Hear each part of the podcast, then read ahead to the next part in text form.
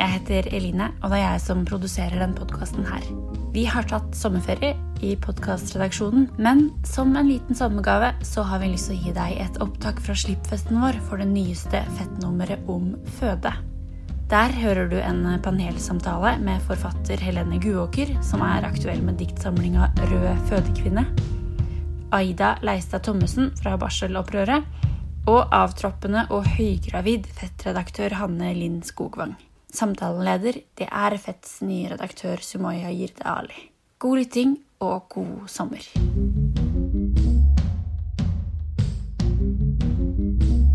Velkommen alle sammen til Slippfest og samtale om uh, vårt siste nummer, Føde. Og ja, jeg vil bare først og fremst bare starte med en stor applaus til avtroppende redaktør Hanne Lind Skogvang.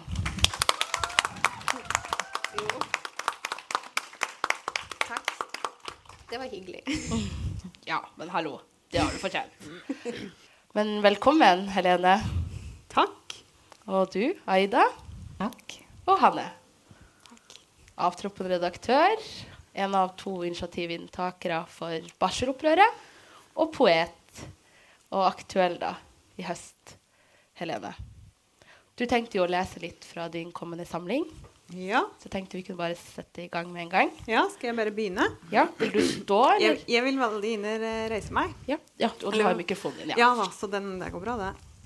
Um, jeg har jo da fått beskjed om at jeg kan få lese i hele ti minutter. Og det syns jeg er så bra, så da gjør jeg det. Skal vi se, da. Er litt vanskelig å få pusten ned i magen om dagen, så det er litt sånn Ja. Jeg må prøve å ikke puste altfor mye inn i den mikrofonen. Dette her er da altså fra boka mi som kommer til høsten, som heter 'Rød fødekvinne'. En diktsamling. Jeg er et stykke biologi. Et stykke natur. Et lite stykke Norge. Et stykke rødt, hvitt og blått. Jeg er rød. Kode rød. Det blinker i alle varsellampene. Seismografene går amok. Alle verdens kompass er gærne. Det er jo bare tull, sjølsagt. Ikke noe jordskjelv om jeg ikke får barn. Jeg går i fjellet, forbi myra som ikke lenger er ei myr, oppover, innover. Pip, sier myrsnipa. Den gir meg dårlig samvittighet. Jeg snur, men uansett hvilken sti jeg velger, er myrsnipa der. Pip. Myrsnipa våker over eggene.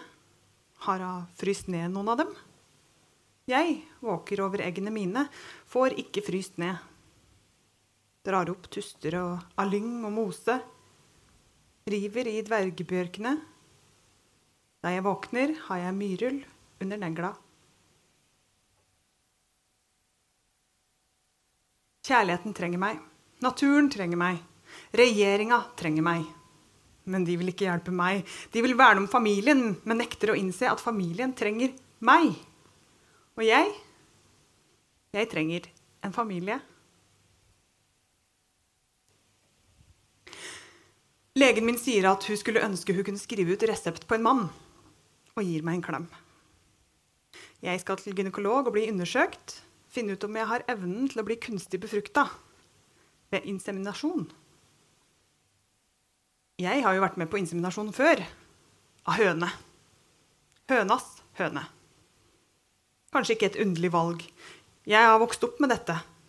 Inseminasjon var en vanlig del av min barndom, min hverdag. Det finnes vel en naturlov også for dette? Blir det morsommere nå, må jeg kvele meg sjøl. For hønene spydde ofte der de hang, opp ned. Jeg veit ikke hva som var verst. Å løfte dem opp og brette dem ut og blåse spermen inn.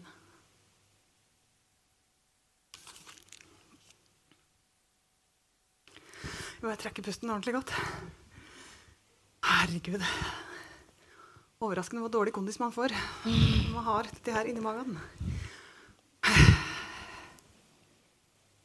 Tilgi meg for dette svik. Tilgi meg for å fucke med naturens gang. Tilgi meg all verdens kjærlighet. Jeg bærer hjertet mitt som jeg bærer ryggsekken min hver gang jeg handler, med stropper rundt livet og bringa. Oppi sekken ligger bleier og våtservietter. Alt det jeg trenger. Jeg er klar. Jeg er helt klar. Jeg er gal. Dette er ikke meg. Jeg, jeg er ikke gal. Dette er meg. Det er min åpenbare natur. Det skal fødes. Fy faen som det skal fødes. Og det skal blø. Fy faen som det skal blø.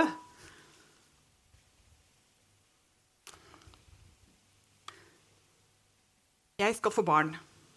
Jeg skal bli gravid på første forsøk, og jeg skal føde et friskt barn. Jeg skal bære barnet opp til fjerde etasje på Carl Berner, og der skal vi bo. Jeg skal ikke grine bitre tårer i sjølmedlidelse. Jeg skal grine av glede og fordi brystvortene mine er såre. Jeg skal oppdra det så godt jeg kan med kjærlighet og rammer og trygghet og sunn mat. Jeg skal ta det med på togreiser så langt vi orker. Jeg skal lese for det og synge for det og lære det alfabetet. Lussanlull. Jeg skal bære fram et barn. Inni meg skal det vokse et liv. Det skal komme ut av meg og leve sjøl. Det skal være et barn med vilje og glede og tro på livet. Dette barnet som er et menneske, skal slippe å kjempe de tyngste kampene fordi noen har kjempa dem før henne. Jeg skal føde et jentebarn. Det skal ikke være trist at barnet kom til gjennom et strå. Et frø er et frø er et frø. Etter to år skal jeg føde henne ei søster, og kroppen min skal tåle det. Den gamle kroppen min skal være ung og tåle det. Barna skal bære mitt navn, og mitt navn aleine. Jeg skal føde to jentebarn, og på sjukehuset skal venner holde meg, holde meg fast når barna presser seg ut. De skal vokse seg store og sterke og handle med kraft som kommer fra meg, som jeg har gitt dem. De skal ta dårlige valg og gode valg, og de skal holde meg i hånda når jeg dør. Da skal de grine og holde hverandres hender. Jeg skal føde to barn, og de skal leve til de blir gamle. Og de skal ha kjærlighet til hverandre og kjærlighet til verden, for det har jeg gitt dem. Den aller største kjærlighet som kan kjøpes for penger. Ettersom tida går, ser jeg ikke lenger for meg to, men ett. Jeg får meg leieboer. Hun gjør meg kvalm. Hun gjør meg øm. Hun tar ikke oppvasken. Hun betaler ei viss form for leie. Hun prater et språk jeg ikke forstår. Men så en dag ligger hun der som en klump av blod og slintrer rett i truseinnlegget. Ligner på det jeg har sett på nett. Et foster skal se omtrent slik ut. Jeg får meg ikke til å hive henne i do. Legger henne i papir på papir. Hun skal bli til en ressurs. Hun skal gi varme til en husstand jeg ikke kjenner. Jeg poster en annonse på Finn. Trenger ny leieboer sporenstreks.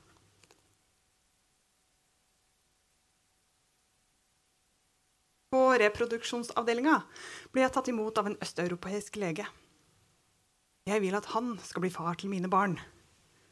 På sett og vis blir han kanskje også det. En gudfar. En som hjelper meg når alt håp er ute. Befruktning av egg utafor kroppen i et glass. Ikke med hans sperm, men med hans hender. Det er ett års ventetid på hans hender. Vi begynner å snakke om Polen, om abortlovene. Nå skal det fødes åkke som. Hvem skal holde disse kvinnene? Hvem skal holde disse barna? Hvem gråter for meg? Freudian slip. Jeg, jeg mente dem. Hvem gråter for dem? Jeg prøver én runde til. To, tre, fire, fem, seks. Det finnes mange argumenter for. Ingen mot. Bare det økonomiske i hele denne prosessen. Men alt kan rasjonaliseres, til og med det økonomiske, i hele denne prosessen. Ingenting av dette er irrasjonelt. Det er livet. Åra, månedene, dagene. Hva er alt det uten barn? Dra på klinikken. Trenger ikke tenke på covid-19, for vi er i Norge nå. Det er progres progresjon, progesteron, testosteron. Det smeller til i hjertet da kanylen blir skyvd opp. Kontoen er snart tom, slik som eggebeholdningen. Hva om det ikke går denne gangen heller? Jeg tar med meg tusenvis av sædceller på fjellet. Det er bare jeg her og tusenvis av småkryp. Jeg ser dem. Jeg kjenner dem. Jeg elsker dem. Alle disse krypa.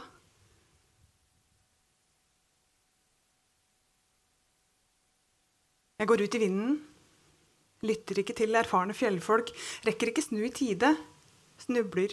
Blir liggende som naturens egen eremitt.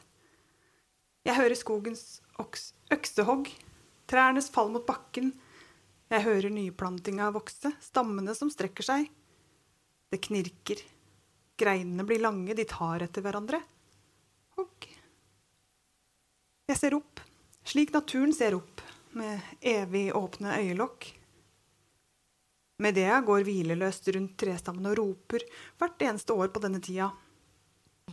Jeg veit ikke hva hun leiter etter som ikke er der allerede. Vi har jo sett alt, hørt alt, følt alt. Bortsett fra døden, vår egen. Hun forsvinner, jeg følger etter. For evig våken i en søt uro. Stirrer på den mjuke maska av snø på fjelltoppene. Jeg sier det som til meg sjøl, men høyt. Hvis vi dør nå, er det ingen som kommer til å finne oss. Mm. Takk.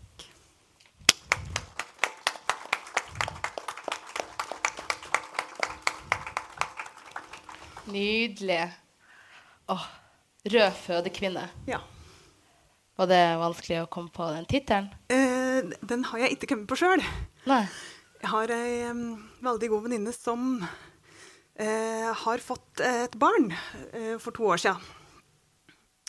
Da hun lå på eh, sjukehuset Ja, hun hadde vel da ligget i VR i hvert fall to dager. Så hun var rimelig, hun var rimelig sliten. Mm. Men eh, hun skrev en melding til meg, og så sa eh, Her er tittelen på din neste diktsamling. Det er 'Rød fødekvinne'. Mm. Og jeg bare ja. Det er det. Men da visste jeg at jeg drev og skrev om denne tematikken. Men uh, det passa jo veldig bra, så det måtte bare bli sånn. Ja, for du har skrevet på denne boka i, siden 2013. Ja, eh, det er en bok som har, uh, som har hatt litt trang fødsel. Mm. Ja. Pun intended.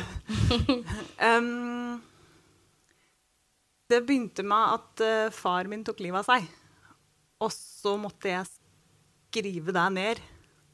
Og så har jeg meg, eller så jeg da for meg at det skulle bli diktsamling av det. Og så var det nok for nært, sånn at det var uh, ingen som ville gi det ut. Mm. Og så har jeg gått mange runder, da. Kasta ut en hel haug med dikt. Skrevet nye. Mora mi døde. Da måtte jeg skrive hele hel med nye dikt. Og så har jeg drevet på med denne prosessen å prøve å få unger. Så det har liksom vært veldig sånn flytende, da. Mm. Um, ja. Mm. Og nå er det endelig straksbok rett rundt hjørnet. Mm. Ja, for du, du er jo innom døden, barndom, gårdsbruk, samspillet mellom natur og menneske, gresk mytologi, vi hørte jo Medea nå, blant annet, kropp og lengsler, fruktbarhet og reproduksjon. Og så skriver du på en veldig sånn direkte og usentimental og også veldig humoristisk måte. Og det Ja, jeg blir, eh, jeg blir veldig bevega, men jeg blir også sånn blir beveget, Både bevega til tårer og latter. Og det, men det har vært bevisst fra din side. Altså mm, jeg, jeg kommer fra en familie der eh, svart humor ble brukt som et virkemiddel for å eh, For eh, å overleve hverdagen. Mm. Så Så jeg tror at jeg bærer med meg det Mm. som kommer altså det, det er det som kommer hjemmefra. Den derre mm, Da var det litt sånn frekk i kjeften og tøff i trynet og, og prøve å ha et litt sånn Ha en slags form for kanskje ironisk distanse eller Mm. eh, Ja, prøve å ikke ta altfor tungt på livet, da Mm. eller så for tungt på livet. For det er jo eh, Livet generelt er jo i perioder veldig, veldig tungt. Mm, men mm, Men ja, sånn humør og sånn Jeg har nok da ganske mye fra far min, da. Mm. Det, ja, livet er jo tragikomisk. Mm. um, og du sier jo i intervjuet som Hanne har uh, gjort i det siste nummeret, at uh, din poetikk er å skrive fram det vanskelige. Og det, det, det altså, Du forklarer med liksom familien din, da. Ja. Jeg, jeg, vokste opp i en familie der ingen skulle, ingenting skulle prates om. Mm. Absolutt alt var eh, tabu.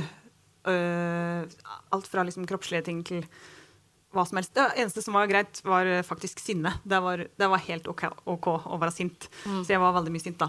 Um, men um, Men jeg visste fra jeg var veldig lita sånn, Jeg kan huske det fra sånn tidlig på barneskolen at uh, jeg skulle gjøre noe annet enn det foreldrene mine drev på med. Jeg skulle prate om alt i stedet for å skjule alt. Mm. Mm. Så det har vært Det er gjennomgående i veldig av mange av bøkene mine. Det er liksom En av de viktigste tinga jeg gjør, er å prate om det som eh, gjør vondt å prate om. da. Og da, da, blir det jo mindre vondt å prate om det. Mm. Eh, også, og det er, jeg syns det er veldig viktig, for at det, hvis ikke noen prater om de her vanskelige tinga, så vil det være så mange som går rundt og føler seg helt alene hele tida. Og det, man er jo ikke alene, for det vil alltid være noen som har opplevd akkurat det samme som deg. Mm. Uh, og det å føle seg litt mindre alene er mm, Det er jo en måte å overleve på. Mm. Mm. Alene sammen. Ja. Nei, denne våren har vi jo sett både bondeopprør og barselopprør eh, ta form. Og det har vært en invitasjon til å tenke nærmere på omsorg i bred forstand. Eh, Fettnummeret som eh, du også har blitt intervjua til, eh, har jo tema føde. Eh, og det tar for seg føde i ulike varianter. Abstrakt, konkret, som verb og næring. Og i denne samtalen da, så diskuterer vi jo da fødsel som både personlig og politisk eh, erfaring. Og Aida, du er jo en av to initiativtakere bak bars barselopprøret. Ja. Kan du fortelle litt om det? Ja, det kan jeg. Um, jeg vet ikke om dere har hørt om det, men uh, det er uh, Jeg kommer fra Barselopprøret, uh, som er en organisasjon som ble starta av meg og ei som heter Cecilia Ingulstad. Um, og som, si, som, en reaksjon på den barselomsorgen som vi møtte. Jeg og Cecilia vi fødte begge to i april 2020, så en måned etter at landet stengte ned. Og den barselomsorgen som vi møtte, den um, Det er vanskelig å beskrive, men den var ikke bra. Mm.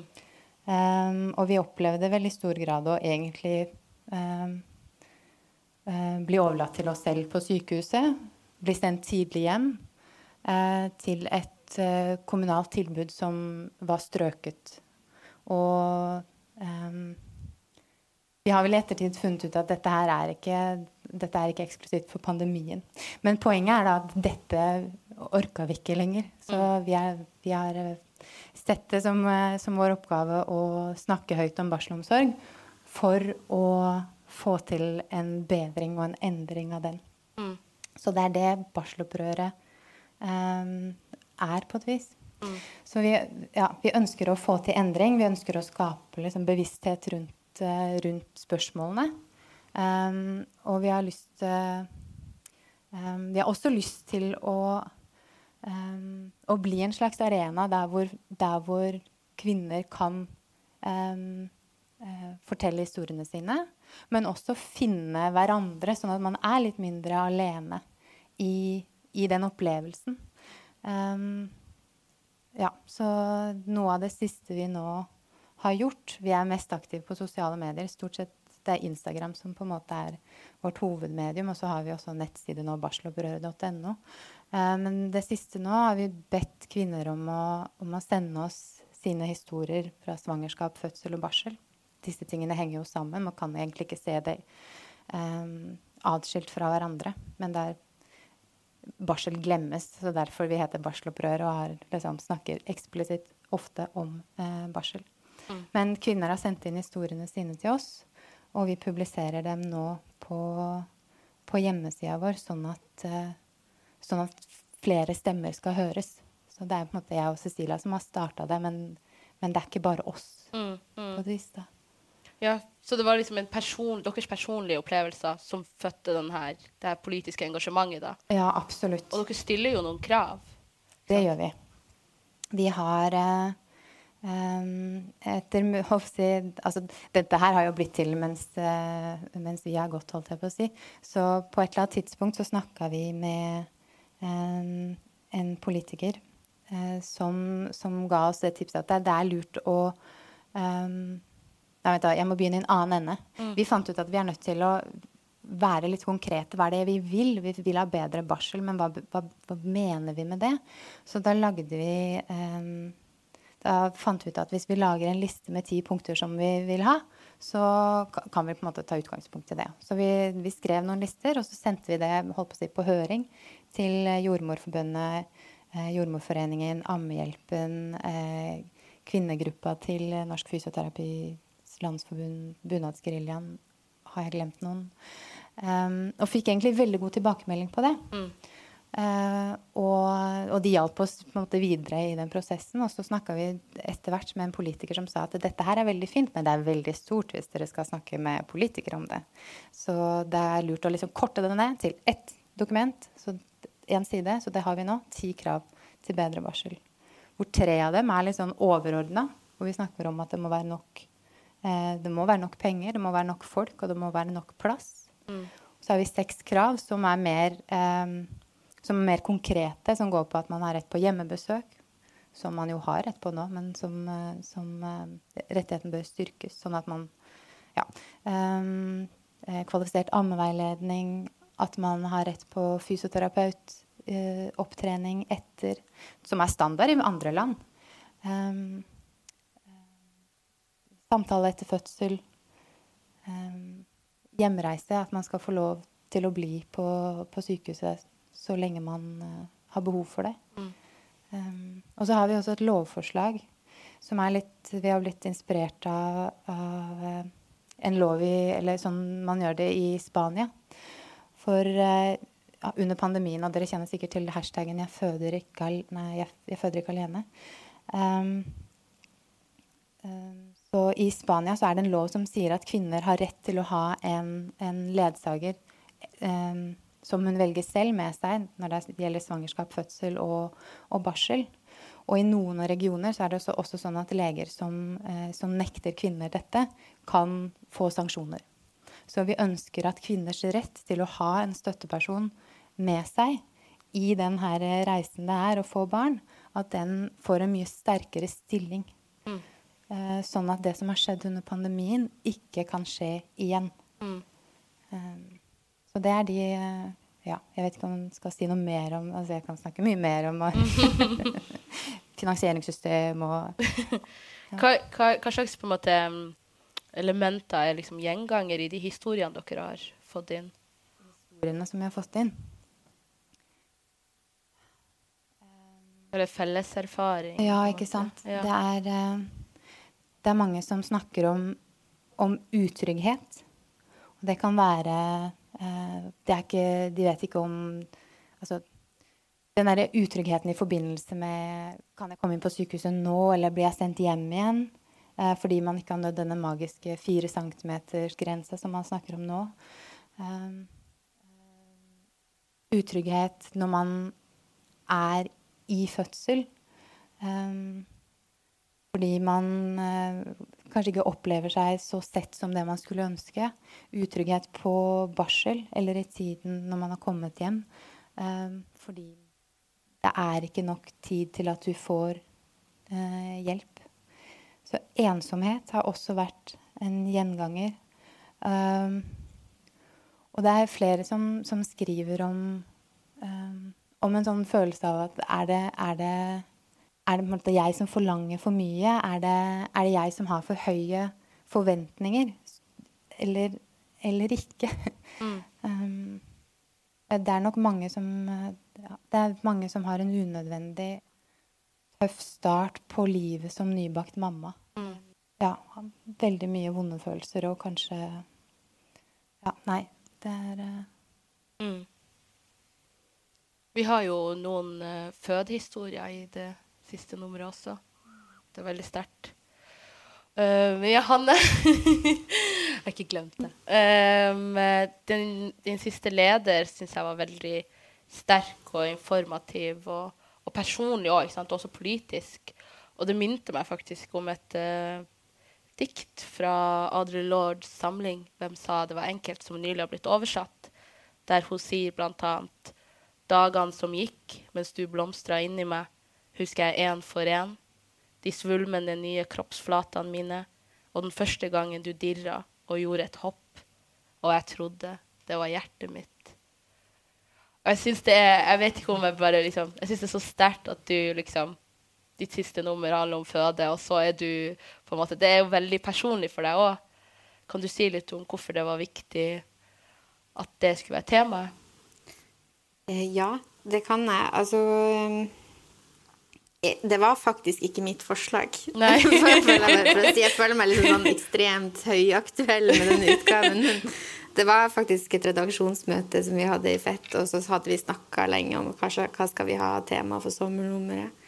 Og så sa jeg at jeg var gravid, og at jeg tenkte at jeg syntes at noen andre skulle ta over som redaktør til sommeren. Mm. Og da var det ei i redaksjonen som sa det er et bra tema. Mm. Og det hadde hun jo helt rett i. Det var vel Ingrid Fadnes, tror jeg faktisk, mm. Eh, som foreslo eh, det. Eh, og Men det er jo også et tema som har vært ekstremt i vinden i vår. Så jeg følte jo at det var veldig god timing, og nesten enda mer etter hvert som både min egen graviditet skrev fram, men også liksom når man så i offentligheten hva som skjedde. For det var Når vi snakka om dette, så var 'jeg føder alene' hashtagen sånn virkelig i ferd med å ta av, da. Eh, og det er jo også et tema som er ekstremt interessant å jobbe med fra et feministisk ståsted, syns jeg. Både av alle grunnene som Aida og egentlig Helene også har snakka om i diktene sine.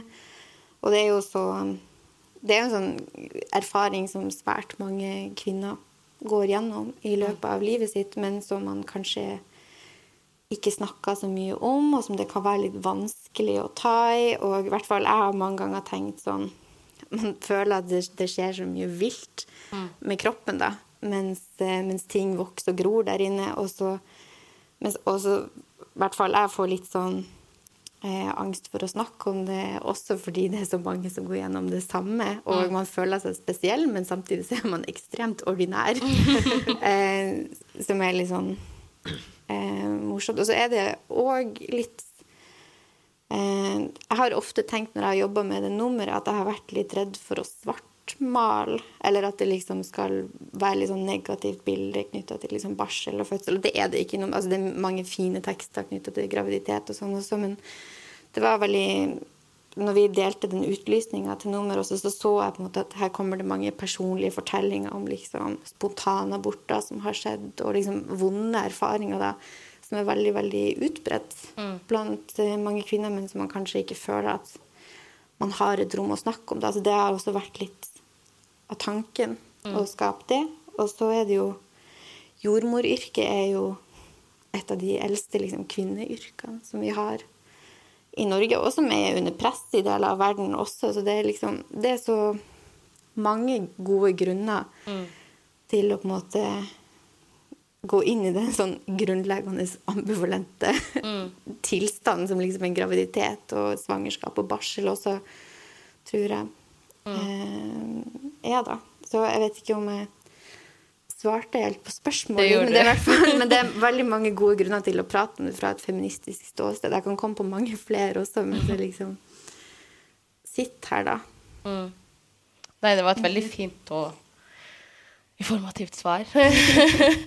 men eh, eh, Helene, du sa en av de linjene i et av diktene du leste, sa noe om at regjeringen sier at de trenger meg. Eller det, ja. Mm. Um, men jeg får ikke hjelp. Mm. Har det også vært din uh, erfaring? Ja, altså um, jeg prøvde å, å få barn før vi single fikk lov til å få hjelp her i Norge. Mm.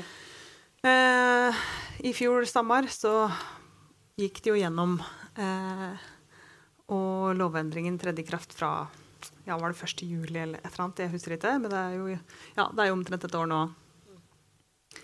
Eh, og så eh, Ja, da tenkte jeg ja, ja.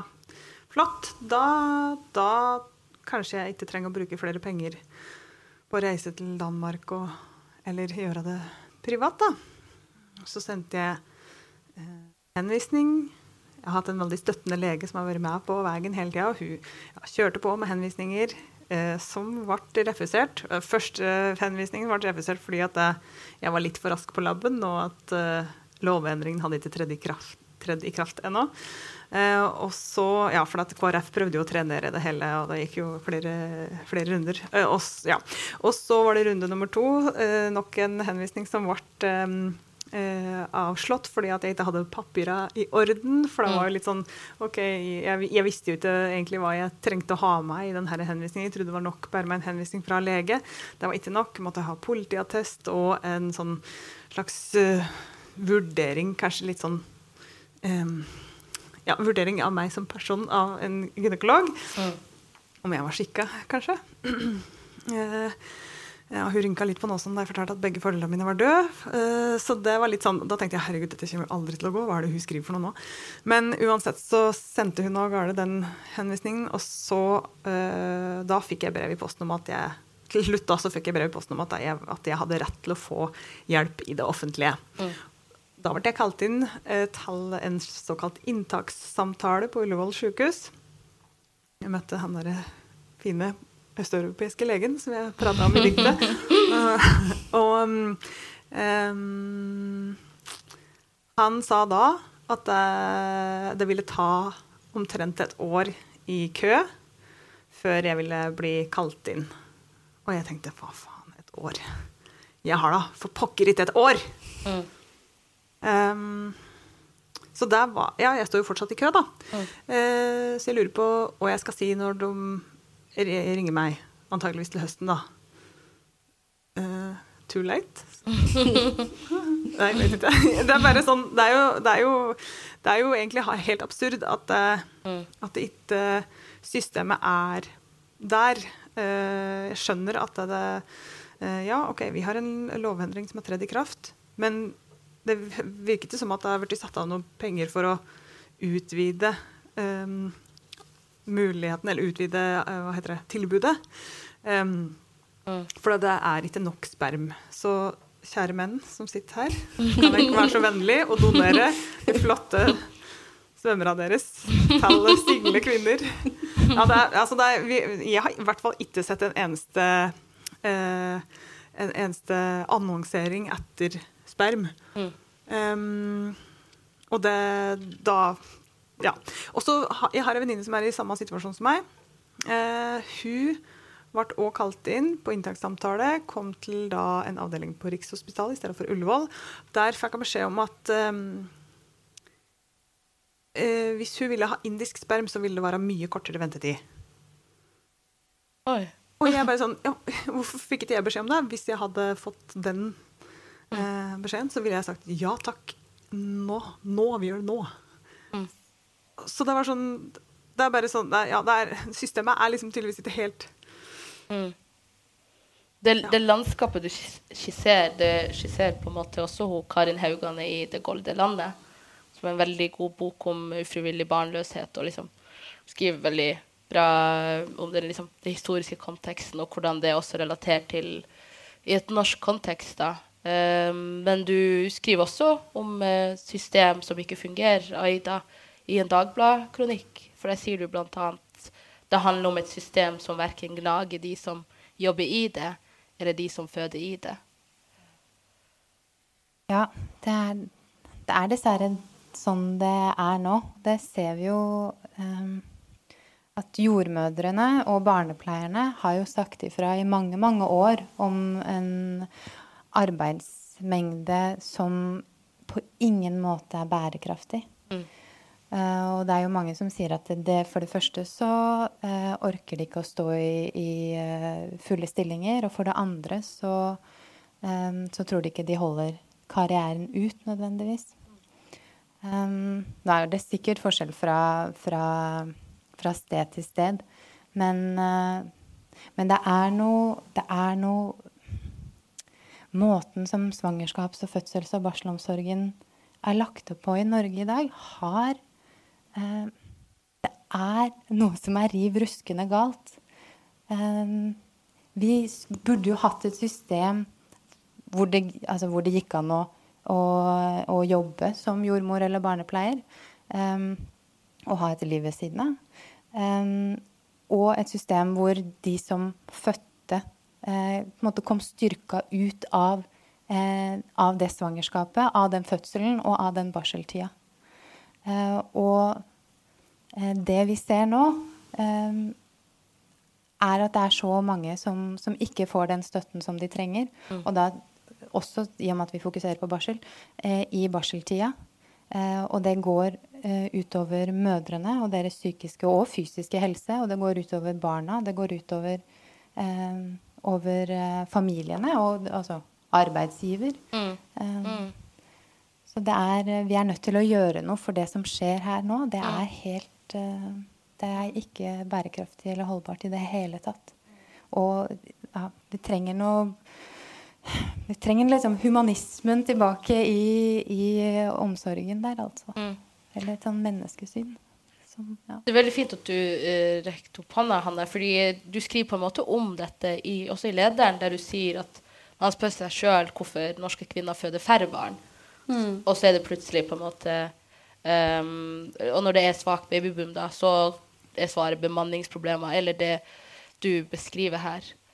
Ja, og det er jo liksom Det var jo helt parodisk når jeg satt og skrev den lederen og liksom la siste hånd på noe, så fikk jeg liksom to SMS-er som var sånn eh, Ammekurset som du var påmeldt, er dessverre avlyst pga. Av, eh, bemanningsproblemer. Mm. Og så etterpå, og det er også fødekurset. Det kommer en video fra sykehusene. Eh, i løpet av mai, men vi har ikke sett snurten av det enda. Eh, så det er jo liksom ja, det føles jo veldig paradoksalt, samtidig som det er liksom tvungen lønnsnemnd for sykepleiere mm. eh, fra Unio som streiker, og sykepleiermangelen ikke har vært større i Norge enn den er akkurat nå. Så det føles jo veldig sånn Hva er det man holder på? Og liksom det med at man da stadig klager over lave fødselstall blant norske kvinner, samtidig framstår jo bare som et sånn kjempeparadoks. Og det er liksom etter hvert blitt et litt billig poeng nesten når man snakker om liksom svangerskapsomsorgen, men det føles veldig sånn reelt og når du står der, liksom, og eh, og uh, har lyst til uh, å få liksom, god svangerskapsomsorg. Da. Og mm. i, på, i bydel Nordstrand i Oslo så har de jo sendt kvinner til fastlegen i stedet for uh, For de hadde ikke kapasitet på helsestasjonen til mm. å gi dem det. Og i Klassekampen i dag så leste jeg om sånn fødestuer som blir sånn sommerstengt i distrikta, f.eks. Så det er jo liksom Jeg er helt enig med deg. Det virker som det er noe som bare ikke er helt riktig, da, selv om man samtidig ikke skal svart Eller sånn mm. Norge er et bra land å føde i og alt det der, men, men, det betyr ikke at man ikke kan snakke om de problemene som finnes der, da, fordi mm. de, det tenker jeg er veldig viktig, og sånn organisasjon som Barselopprøret er veldig verdifull i, da. Mm. Det, det, det, jeg bet meg i det du sa Eller nå hadde jeg egentlig to ting jeg ville si. En om det svartmaling. Uh, men um, apropos det med at Norge er et så bra land å føde i. For det er jo en mm. kritikk dere har da, uh, dere i barselopprøret, um, fra uh, venstrepolitiker Carl Erik Grimstad. Han, sa, han sier det der at folk føler det utrygt å føde i verdens beste land å føde i, og verdens beste land når det gjelder svangerskaps- og barselomsorg, det tror jeg ikke på. Og da er det sånn hvordan Når alle disse historiene kommer frem, og likevel så har man på en måte makt men liksom folk i maktposisjoner da, som nekter å tro på det, altså, hvordan skal man forholde seg til det der? Ja, hvordan skal man forholde Nå har vi faktisk han, han, ringte oss i dag og spurte om et møte, så vi har faktisk snakka med han mm. um, om det. Jeg lurer på om han skal skrive noe i Dagsavisen også. Um, Men han, han, eh, han, mener jo at vi har på en måte tatt det litt ut av kontekst. Men, men uh, budskapet er allikevel ikke unikt. Mm. For man hører jo hele tiden eh, at Norge er verdens beste land å føde i, mm. og Norge er verdens tryggeste land å føde i. Og eh, vi kom jo godt ut på statistikkene over spedbarnsdødelighet og mødredødelighet. Men så er det noe med at er det der vi skal sette lista? Er det det som er suksesskriteriene? Eh, eller skal man, skal man f.eks. da uh, se på eh, anbefalingene fra Verdens helseorganisasjon om hvordan man bør organisere eh, svangerskaps-, fødsels- og barselomsorg? Mm. Da snakker de om det de kaller um, continuity of care, eller caseload mid mid midwifery. W-enkel-V. Um, um, hvor man, hvor man sant, har en modell hvor man eh, gjennom svangerskapet blir kjent med én eller et team med jordmødre. Mm. Eh, og så, eh, når man føder, så føder man sammen med noen man kjenner fra før av. Og det er også de som følger deg opp i barselomsorgen. Og det som nesten er litt sånn For dette er jo noe som vi har funnet ut av i etterkant, før vi, etter vi hadde født eh, og i det hele tatt. Og bare den derre Det at liksom ideen om å kjenne den som tok imot babyen din, var helt sånn What? Mm. Går det an? Men det går an. Man gjør det i andre land. Det er et prosjekt uh, i, i, Sverige nå som heter Min barnmorska, hvor de gjør det her i et system som ligner på det norske, på et, uh, et, uh, si, helt vanlig sykehus i Stockholm, så får man til det her. Og både jordmødrene og kvinnene er så mye mer fornøyde. For det handler, det handler jo både om oss som føder, men det er noe med hvis du som jordmor da, eh, aldri ser den eh, du tok imot babyen til, mm. så får man jo heller aldri noe feedback på liksom, hvordan, hvordan, opplevdes det som jeg gjorde der? Mm. Eh, hvordan, kan man, hvordan, kan man, forbedre seg? Hva bør man fortsette å gjøre med? Og jeg tenker, mm. Nå er jo ikke jeg jordmor, men jeg, jeg, ser for meg at det må jo være en helt fantastisk jobb å stå i et sånn eh, Å være en del av, et, av, det øyeblikket når et baby kommer. Um, så det må jo være litt fint å kunne snakke med de som, mm, som mm. fikk den babyen etterpå. Ja. Det er i hvert fall de Vi har snakka litt med noen jordmødre som er med i dette prosjektet i, i Sverige. Og eh, de trekker fram nettopp det her at de føler at de gjør en mye bedre jobb. De får mm. muligheten til å gjøre jobben sin sånn som de ønsker å gjøre den. Uh, var, gikk jeg helt forbi temaet nå? Nei, det var det du spurte om, egentlig. Veldig fint. Ja, du, vær så god. Ja, for jeg husker at mor mi fortalte at da hun fikk meg og mine søstre, så lå jeg ei hel uke på sjukehuset. Det er jo ganske stor forskjell fra dagens virkelighet. Og, og det er klart um, Den generasjonen uh, fødekvinner de hadde jo mye mindre problemer med f.eks. amming. De, så, de, følte seg så ivaretatt og var uh, trygge. Og uh, de, de, fikk jo liksom servert mat og bare gikk rundt og dulla og trilla og, og fikk til denne amminga. og var, Når de kom hjem igjen, så var de mye mer rusta, um, tror jeg, da, uh, enn det vi vil være, og det du kanskje var. Um, så det er For at, altså, vi um, vi blir jo for så vidt forberedt på hva som skal skje før vi føder. Eller ja, vi har en app som sier hva slags uke vi er i, og, hva slags frukt uh, babyen er. Og um, ja, og altså Det er så mye da, sånn informasjon på forhånd uh, før vi føder. Uh, og um, vi veit jo liksom Ja, ja, OK, så får vi kanskje ikke et um, eh, fødselskurs, men vi får en video. Så det er i hvert fall noe. Og vi, vi, vi, vi får den informasjonen der. Men så er det dette med når en skal komme hjem igjen og være helt alene for seg sjøl, å ha en person som man har ansvaret for, som, ikke, som, altså, som må ha noe mat, og den må ha søvn, og du må ha søvn og mm. mat. Og å få til det der, hvis det, altså begge brystvortene spruter blod det er liksom Åssen skal man klare det? Og så får man beskjed om at jordmor ikke kommer på hjemmebesøk. Eh, det er, jo, det, er jo veldig skremmende. Og det er klart, da blir man jo veldig redd, og det vil jo òg gå utover babyen. Og jeg skulle jo tro at samfunnet ville ha Altså at det ville være samfunnsnyttig å ha trygge mødre som òg lager trygge babyer. Mm. Og er det noe som blir gjentatt liksom overalt, så er det jo sånn Når jeg leser om fødsel, så er det jo sånn at det hjelper å føle seg trygg. Ja. Så, Det er liksom bra hvis, hvis eh, den som føder, klarer å slappe av Ja, ja. og liksom føle seg ivaretatt og trygg og sånn. Og så er det liksom Ikke sant? Der oksytocin er det viktigste hormonet, som da er trygghets- og kjærlighetshormonet. Som da, hvis det er ei jordmor som du veit har liksom ti andre fødekvinner å ta vare på i akkurat samme øyeblikk, så da jeg kan ikke se for meg at det føles veldig trygt, da. Mm. Og jeg tror det skaper heller mer eh, adrenalin, som igjen gjør at uh, fødselen kan eh, hva heter det, dra ut og bli mer eh, eh, risikofylt.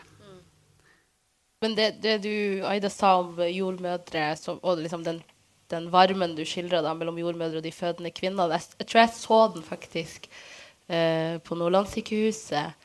Jeg, jeg, jeg husker ikke hvor gammel jeg var. Mellom mamma og en dame som vi møtte helt random. Og mamma sa etterpå at det var hun som tok imot lillebroren din. Og de stoppa opp og prata, og den varmen, den tilliten der. Det er jo, det er jo den tryggheten som folk ikke Som de blir frarøvet. Vær så god. Ja, nei, og det, og det er så synd, for jeg tror det, det eh, Fødsel er jo et kjempestort og viktig øyeblikk, så hvis man eh, har muligheten til å snakke med den som var der, f.eks., Mm. er jo det kjempeviktig. Og jeg tenker, altså Nå var ikke jeg så veldig lenge på fødestua, og jeg husker knapt den jordmora egentlig, fordi jeg, altså, jeg vet ikke om jeg hadde øynene åpne så mye.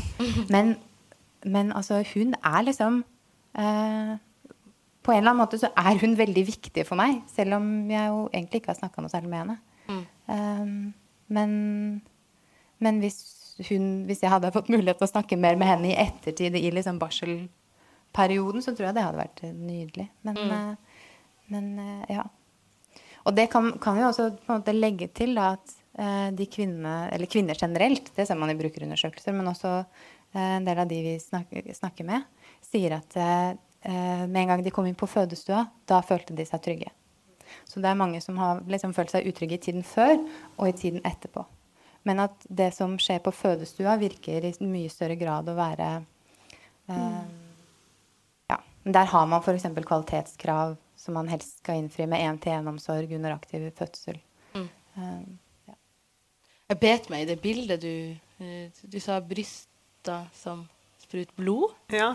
Og det, det, bare sånn, det, liksom, det bryter med disse forestillingene vi har av fødsel og liksom, liksom kroppen i den måte, prosessen eller det stadiet. Uh, og hos Silje uh, Bekkeng Flemmen skriver jo om det i nummeret, om på en måte, disse forestillingene vi har. fordi i hvert fall fra populærkultur så er det jo liksom at du har på deg jeans og Oi, my water broke, og liksom, så skal du liksom skynde deg til sykehuset. Men hvordan har det vært for dere to? liksom har deres forestillinger eller internaliserte bilder blitt utfordra under denne tida? Av å være gravid. Ja. Litt sånn eh, både og. Jeg merker jo Eller sånn Ja, det jeg ofte har tenkt, er liksom at på en måte så er liksom det gravide kvinnekroppen den er litt hellig. På en måte. Det er liksom Alle er sånn Å, har lyst til å gjøre alt for deg, og liksom Du må ikke stå og sette deg ned her, og liksom Trenger du litt vann, og særlig, særlig nå, så føler jeg det. Men samtidig så er det jo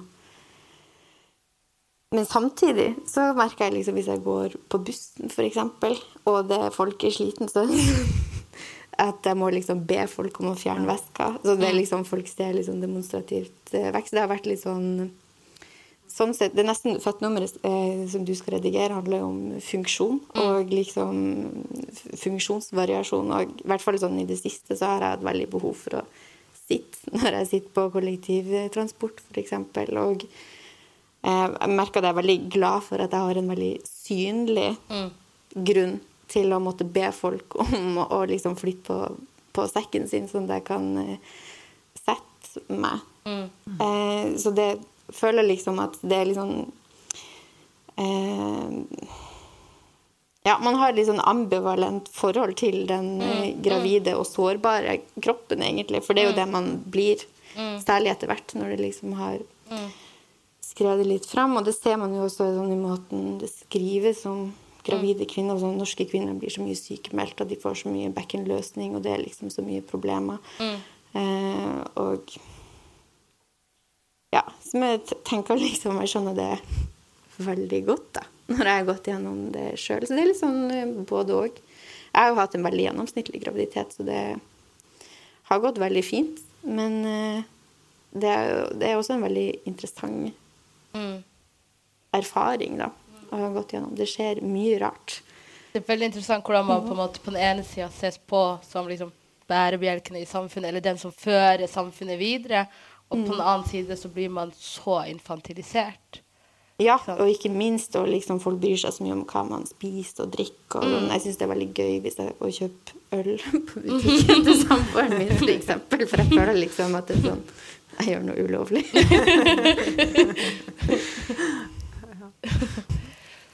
Ja, nei, ja, jeg, jeg har tatt en del buss i dag, og da var det ei gammel dame på sikkert sånn 75-80 som skulle reise seg for meg. Og jeg bare Herregud, nei, du må, du må bare sitte. Og at ingen Altså, det var jo mange som fikk det med seg. Um, men at ingen reiser seg, og ei gammel dame gjør det, det er bare sånn Det får meg til å bli helt sånn Jeg blir så sjokkert at det går an, da. Um, men um, til, til spørsmålet ditt, så jeg, jeg er heldig som har en del venninner som har født en del, og har hørt uh, Jeg har vel hørt uh, egentlig det meste. Um, og det jeg ikke hadde hørt, det, det har jeg lest om i fødeopprøret. Slutta etter hvert å lese om det, for jeg tenkte herregud, ja ja, det er bare å forberede seg på at jeg skal føde alene på et handikaptoalett, og that's it. Eh, har allerede begynt å spare penger til en em, privat eh, ammehjelper. For jeg tenker at nei, jeg får, kommer ikke til å få noe hjelp på sykehuset, så det, da kan jeg jo bare Det kan jeg liksom bare gjøre med en gang. Så eh, ja. Det er litt sånn eh, Jeg er forberedt på at, eh, at eh, systemet ikke er der for meg, da. Eh, og det er jo litt synd. Og ja. Um, men sånn forestillinger om Forestillinger om eh, graviditet og sånn. Jeg, jeg håper og tror at jeg har ganske realistiske mm, et realistisk bilde på hva det er som skjer. Men det er jo veldig det er jo rart. Altså, det, er jo, det er jo helt sinnssvakt at det er en baby inni her som driver og sparker. Jeg, jeg kan ikke, fortsatt ikke skjønne det. Det er jo også litt sånn grotesk at det bor et menneske inni her, og plutselig er det bare sånn «Mm!» Og så får jeg bare altså, buler det ut. Det er jo sånn Hva faen er det som foregår inni meg? Jeg, jeg får helt sånn ja. Eh, så, så det er jo litt sånn um, eh, Ja, og så kroppen blir jo stor, og den er, ser jo rar ut. Det liksom, eh, det, plutselig så buler det mye mer foran enn det det gjør bak. Og det er liksom sånn Det er sånn Det er, det er jo litt grotesk. Eh, så det er litt sånn eh, Det er kanskje det jeg har liksom vært mest sånn overraska over. At det, det er så Det er grotesk, men det blir bra poesi av det. Ja. Men eh, jeg lurer på om ikke en, en stor del av problemet er liksom hvordan fødsel og barsel og kvinnehelse generelt blir på en måte liksom Det blir et kvinnelig anliggende. Samfunnet skriver fra seg ansvar. Eh, faktisk i sted, når jeg var på kontoret, fettkontoret, så utenfor så pleier postmenn eh, og eh, to menn da, som jobber i posten, og liksom bare sitter utenfor og bare slappe av og prate og ta en røyk. Og så kom jeg i prat med han ene, og så bare prata vi om liksom, jobb og kroppen, og at man er sliten, og at tida ikke strekker til. Og, så videre. og så sa han eh, Og så kom vi inn selvfølgelig inn på Fett, fordi nye redaktør må jo promotere bladet til absolutt alle hun møter. Um, og da, og da snur vi oss til liksom, vinduet og peker på bladet. Og sånn, det er det siste nummeret, og det føder. Og han sier øyeblikkelig ja, det er jo relevant for kvinner. sånn øyeblikkelig. Liksom, bare så, med en gang. Og så sier jeg til han nei, det er også relevant for deg. ikke sant, for oss som samfunn. Og er ikke det en stor del av problemet? Jeg, jeg lurer liksom har dere i barselopprøret savna mannlige stemmer? Ja, Mikkel Bugge skrev en bok om en kvinne som skulle føde for noen år siden, men hvor er de mannlige stemmene? Hvor er de mannlige stemmene? Det lurer jeg det, Jeg lurer veldig på det. Og så lurer vi, vi Vi lurer også på hvordan skal vi etterspørre dem? Altså, Mm. altså hvordan, hvordan Så hvis dere har noen tips til hvordan eh, invitere flere menn på banen, så, så vil vi gjerne høre det, fordi men ikke sant? nå blir det jo bare sånn Hva sier våre, de som vi har fått barn med? Men, men eh, jeg har et, sånn, et slags inntrykk av at eh, det er en del eh, fedre, for eksempel, som, som kanskje ikke føler at det er liksom helt deres Altså de, det er på en måte ikke deres eh, sak å snakke om, fordi at det er liksom denne mammaen som på en måte eier dette. Um, Men jeg synes det er òg en litt ansvarsfraskrivelse. Jeg synes at det Eller for en assosiasjon til uh, x antall menn som jeg har ligget med, som eh, har syntes det var så fryktelig vanskelig å ta på seg en kondom. Mye vanskeligere for dem å ta på kondom enn at jeg skal ta en abort, f.eks. Helt absurd. Ja, nei, så det, jeg har liksom ikke noe Jeg har ikke noe godt svar på det. Og det var jo, det var jo et par menn som skrev noe, men det var mer i forbindelse med at man skulle la partner eh, være til stede. Og, ehm, det, jeg, jeg tvang han som jeg er gift med, til å legge ut en post i forbindelse med barselbrølet på 8. mars.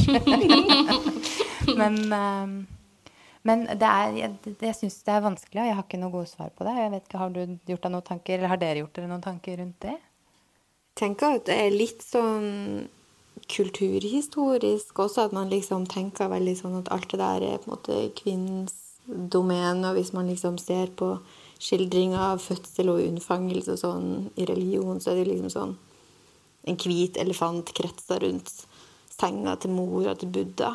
Og sånn ble Buddha unnfanga, og så føda under en sånn lotuspalme, sånn helt fredelig. Altså det er liksom, det er veldig sånn Det er veldig rent, det er veldig enkelt, og det er jo liksom Ja, eller sånn hvordan Jesus blir unnfanga også. Det er jo veldig sånn Det er ikke så veldig kroppslig. Og eh, jeg tror det har litt sammenheng med det. Også sånn I litteraturen og filosofien så har heller ikke det vært så veldig mye behandla før de siste denne delen av måte, de siste århundrene. Så jeg tror jo det har litt med det å gjøre. Eh, og så tror jeg sikkert at det er mange som syns det er litt skummelt også kanskje å tråkke inn på det området. Men altså, fødsel er jo noe som angår absolutt alle i verden. Altså, det, sånn, alle har jo blitt født.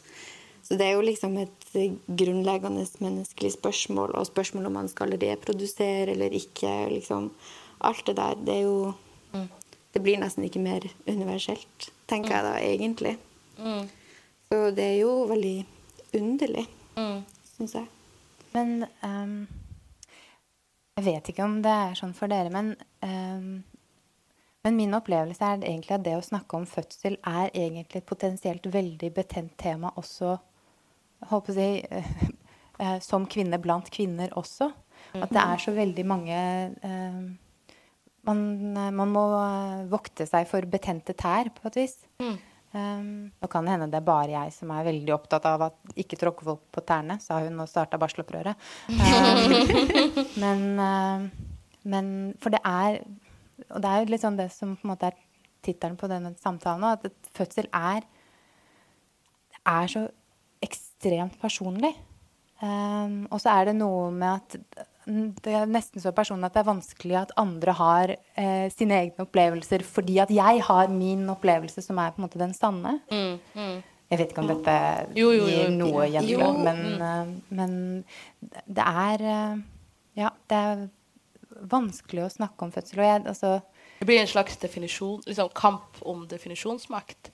Ja, eller jeg vet ikke hva det blir. Altså, det er altså um, Det er akkurat som at uh, av og til så må man øve seg på at uh, det fins flere opplevelser og flere sannheter enn bare min, og jeg er ikke nødt til å på en måte insistere på at fødsel er sånn som det var for meg, på et vis. Mm. Ja, Nei, men jeg er helt enig med deg. Jeg syns du setter fingeren på noe veldig viktig der. Og jeg syns også det virker som hvis du liksom er så uheldig at du snubler inn på et Kvinneguiden-forum eller et eller annet sånt, da, så ser du et felt som er liksom også kvinner imellom. Formodentlig. Det er jo mye anonyme brukere og sånt, da, har jeg sett. Men uh, at det er liksom virkelig et felt som er latent med ganske mange kvinnefiendtlige holdninger. Synes jeg det er sånn, Både hvis du velger å ta keisersnitt eller ønsker deg det, så er det liksom to push to push er jo liksom et mm. uttrykk. Eller sånn hvis du har lyst til å meditere deg gjennom fødselen, så er du naiv og idiot. Hvis du, eller hvis du ikke vil ha smertelindring. Hvis du vil ha smertelindring, så er du feig. Altså det er liksom mm. mm. Blir feig uansett. Sånn, ja, det, det, er liksom Du kan ikke trå riktig, da, hvis mm. du på en måte skal være så ekstrem. tenker jeg så ja. De fleste kvinner i Norge får smertelindring under fødselen, så jeg tror altså det er jo veldig vanlig. Men jeg tror det fins noen idealer der for hvordan man, det skal gjøres, som mm. kommer litt til uttrykk. Og idealer som på en måte er litt sånn motstridende motstridende. Ja. Altså, de, de, eksisterer parallelt med hverandre. At du skal ikke få noe smertestillende. Og hvorfor i all verden tar du ikke epidural? Fordi at det er altså, Ja, er du idiot, eller? Um, så det er eh, Ja, det er litt sånn at man kan eventuelt Altså mm. potensielt alt du gjør, er eh, galt i noens øyne. Mm. Man må ikke være for mye på internett når man er gravid. Nei. Men det, skal altså, til Kvinneguidens uh, forsvar så er det noen ting og litt sånn kvinnehelserelatert finner du ingen andre steder enn der. Mm. Um, bare så ja, men det er jo derfor de finnes også. Og det er jo fordi at man eh, altså Du snakka om kvinnehelse i stad, som jeg, jeg tenker at det er en av grunnene til at sånn nettforum er så populær. Da, fordi at veldig mange kvinnehelseproblemer er veldig diffuse, mm. individuelle. Så man søker råd hos andre fordi man finner ikke gode råd liksom hos verifiserte mm. helsekilder. Hvis du f.eks. sliter med migrene, som kan få sånn ekstremt individuelle utslag. Og det tror jeg er en veldig viktig grunn til at mm. sånne forum blomstrer 20 mm. år etter at de starta. Eller hva det er, det er kjempegammelt. Mm, ja, men jeg tror vi skal begynne å gå inn for landing. Jeg har bare to siste spørsmål, og spørsmålene mine er jo alltid så lange. Uh, første er Og begge, vi kan si at begge er til alle. Uh, Helene, du sa i intervjuet til Fett at uh, man blir en menneskelig forsøk, forsøkskanin som om man er et slags laborat laboratorium. Nå forsvinner norsken min. I alle fall uh, hvis man prøver å bli gravid ved inseminasjon, sa du. Uh, I 2020 så ga jo Joanna Ramos ut roman, en roman da, om surrogati som på norsk ble kalt 'Fabrikken'. Um, og jeg har jo som liksom en ung kvinne med somalisk bakgrunn, så har jeg vokst opp med at somaliske kvinner har blitt veldig, veldig stigmatisert og kalt for fødemaskiner. Um, og jeg er jo en av seks barn, og jeg har alltid liksom Når folk har prata når, når, jeg har sagt høyt at jeg er en av seks barn, så har folk alltid prata om mamma. ikke sant? På den ene sida så har det vært litt sånn stigmatiserende. litt sånn, Oi, at hun klarte det, at hun orka det. Hvorfor liksom, var det ingen som vedtok hun om prevensjon? Liksom, bare veldig sånn nedlatende, infantiliserende. Uh, og på den annen side veldig sånn romantiserende. 'Herregud, for en helt hun er. Oi, at hun, at hun klarte det.' ikke sant? Og aldri noe om pappa.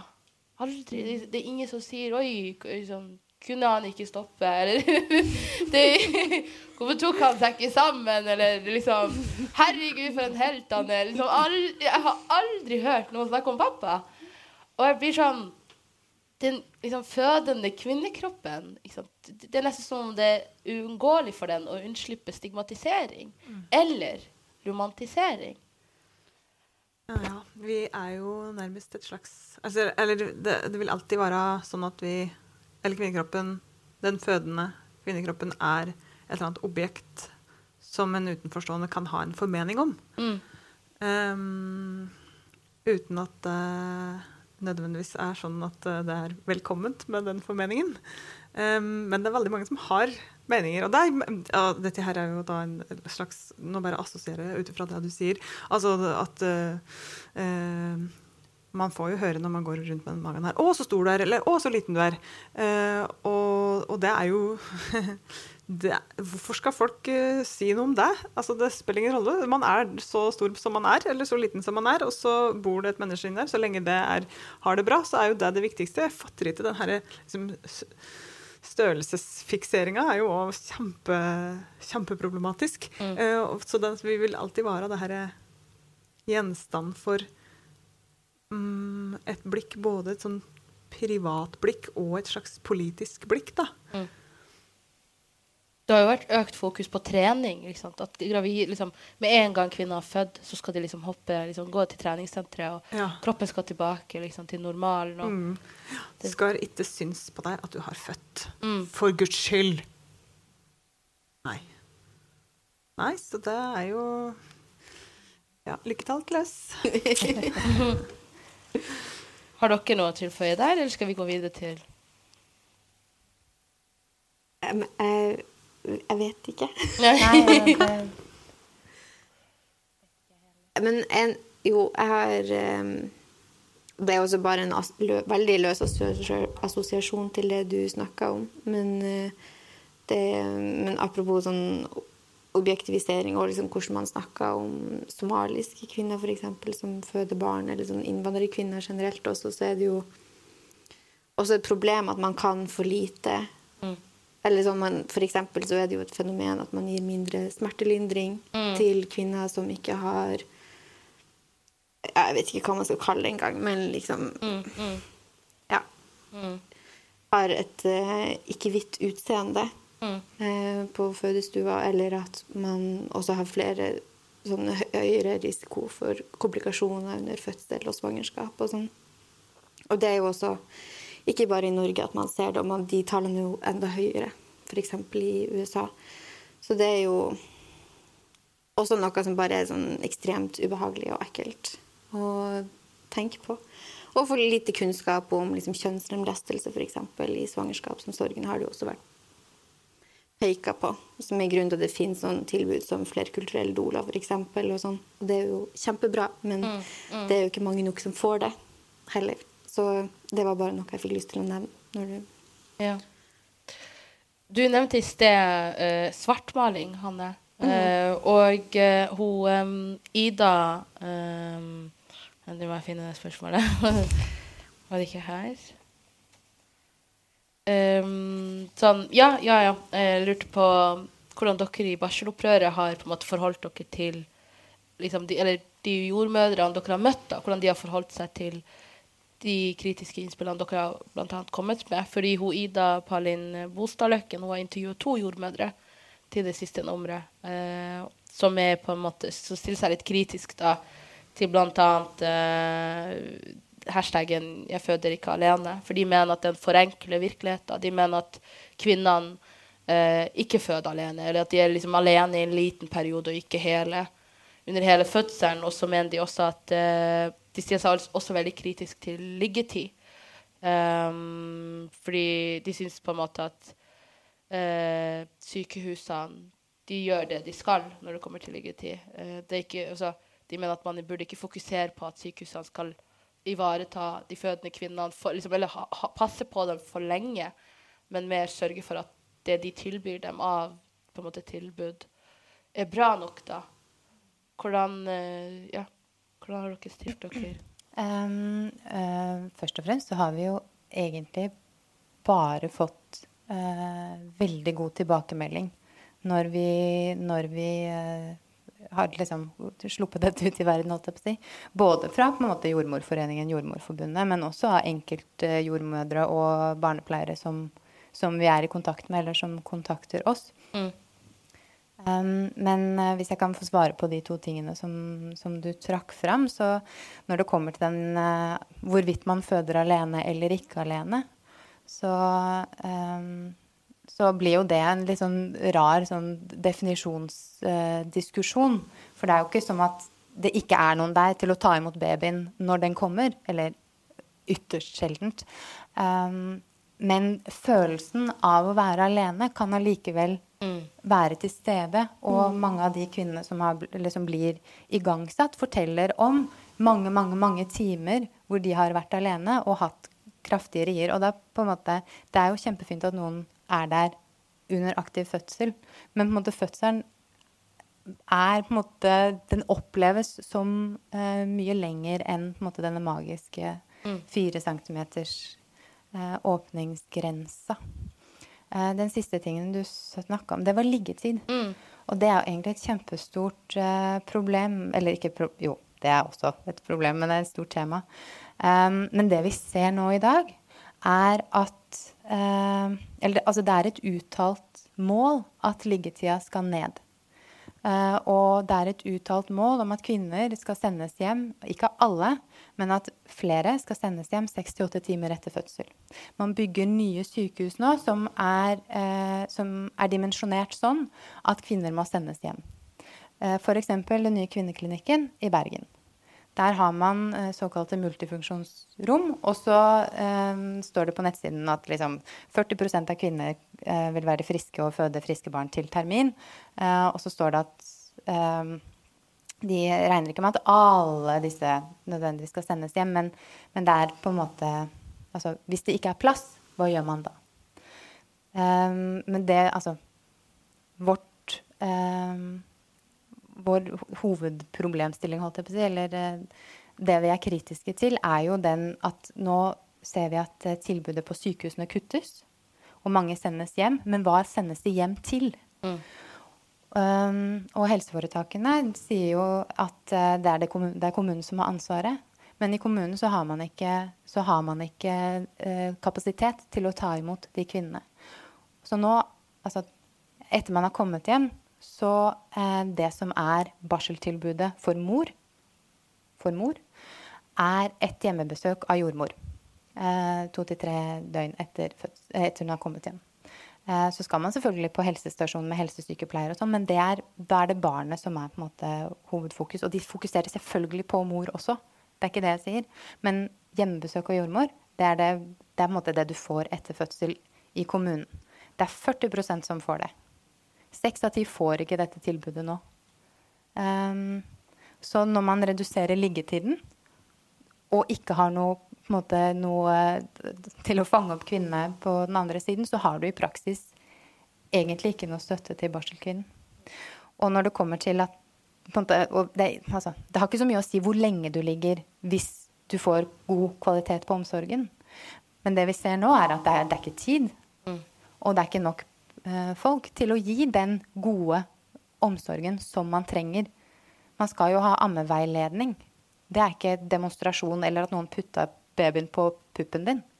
Eh, veiledning handler jo om at du skal lære å bli selvdreven. Du skal gjerne være ammeobservasjon også.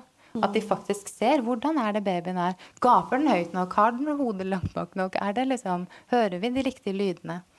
Um, det er det dessverre altfor få som, som, eh, som får. Og vi er egentlig kjempebekymra for den utviklingen som vi ser nå, og som det på en måte er politisk. Eh, det er, det er dit vi, det ser ut som vi skal, hvis ikke vi stopper nå. At man får kjempekort liggetid på sykehusene, og så ingenting som tar imot i andre enden. Mm. Nei, jeg syns det er veldig kritikkverdig og veldig sånn For, mange, for noen ti år siden, ti år tilbake, så ville det jo ikke vært sånn i det hele tatt. Da ville man kanskje ligget der i uke. Og liksom kommet i vater. Så det Ja. Det er vel en dansk modell som Som de Ja. Og som de nå har Som de har jobba hardt for å, for, å, for å snus. Og nå har man i Danmark fått kjempa seg til um, og få muligheten til å Hva er det? Være uh, ett eller to døgn på sykehuset etter fødsel? Jeg tror det. Jeg tror liksom det var fire timer. Fire timer Eh, så det er noe med det, det Altså eh, Det er bare sånn sayonara! For, de, for de av oss som er født, så er det skikkelig fint å sove litt etterpå. Så hvis man har muligheten til det Nei, det, ja, det var litt uh, flåsete og, og, veldig smart, svartmalende. Men det får være min oppgave. ja, jeg tenker altså, Ja, det jeg vil bare si med akkurat det at man liksom At jeg har kjent på litt sånn angst for å svartmale, men jeg tenker at det er viktig, da, også å gjøre det. Altså, det er jo litt sånn feminismens oppgave, egentlig, å, å, å klage litt. Jeg syns ikke noen av dere har svartmalt noen. De bare sier det som det er, dessverre. har du noen siste ord, Helene? Uh, uten å svartmale. uten å skremme alle som ikke har fått noen unger ennå. ja. Em, det er jo veldig bra at det er et fødeopprør nå. Jeg tenker det er, det er så viktig at det skjer. Og kanskje den trenden som vi er redd for, vil snu med det. Det må vi jo bare håpe på. Ja. Og det er jo målet. Jeg tror det kommer til å gå bra Ja. med både meg og deg, Helene. Det er Ja. ikke det. Men det er liksom bare Men jeg er liksom Jeg, jeg, jeg er håpfull, rett og slett. Det, Mm. det, dette skal vi klare. Men vi, vi kan ikke bare være oss. Vi må være Mm. Mm. flere som, som sier ifra. Mm. OK. Tusen hjertelig takk for at dere stilte opp. Og så har vi en siste ting. Eh, det var vel styret, var det ikke? Jo. Og, eller hele Fett. Styre, redaksjon. Alle i Fett.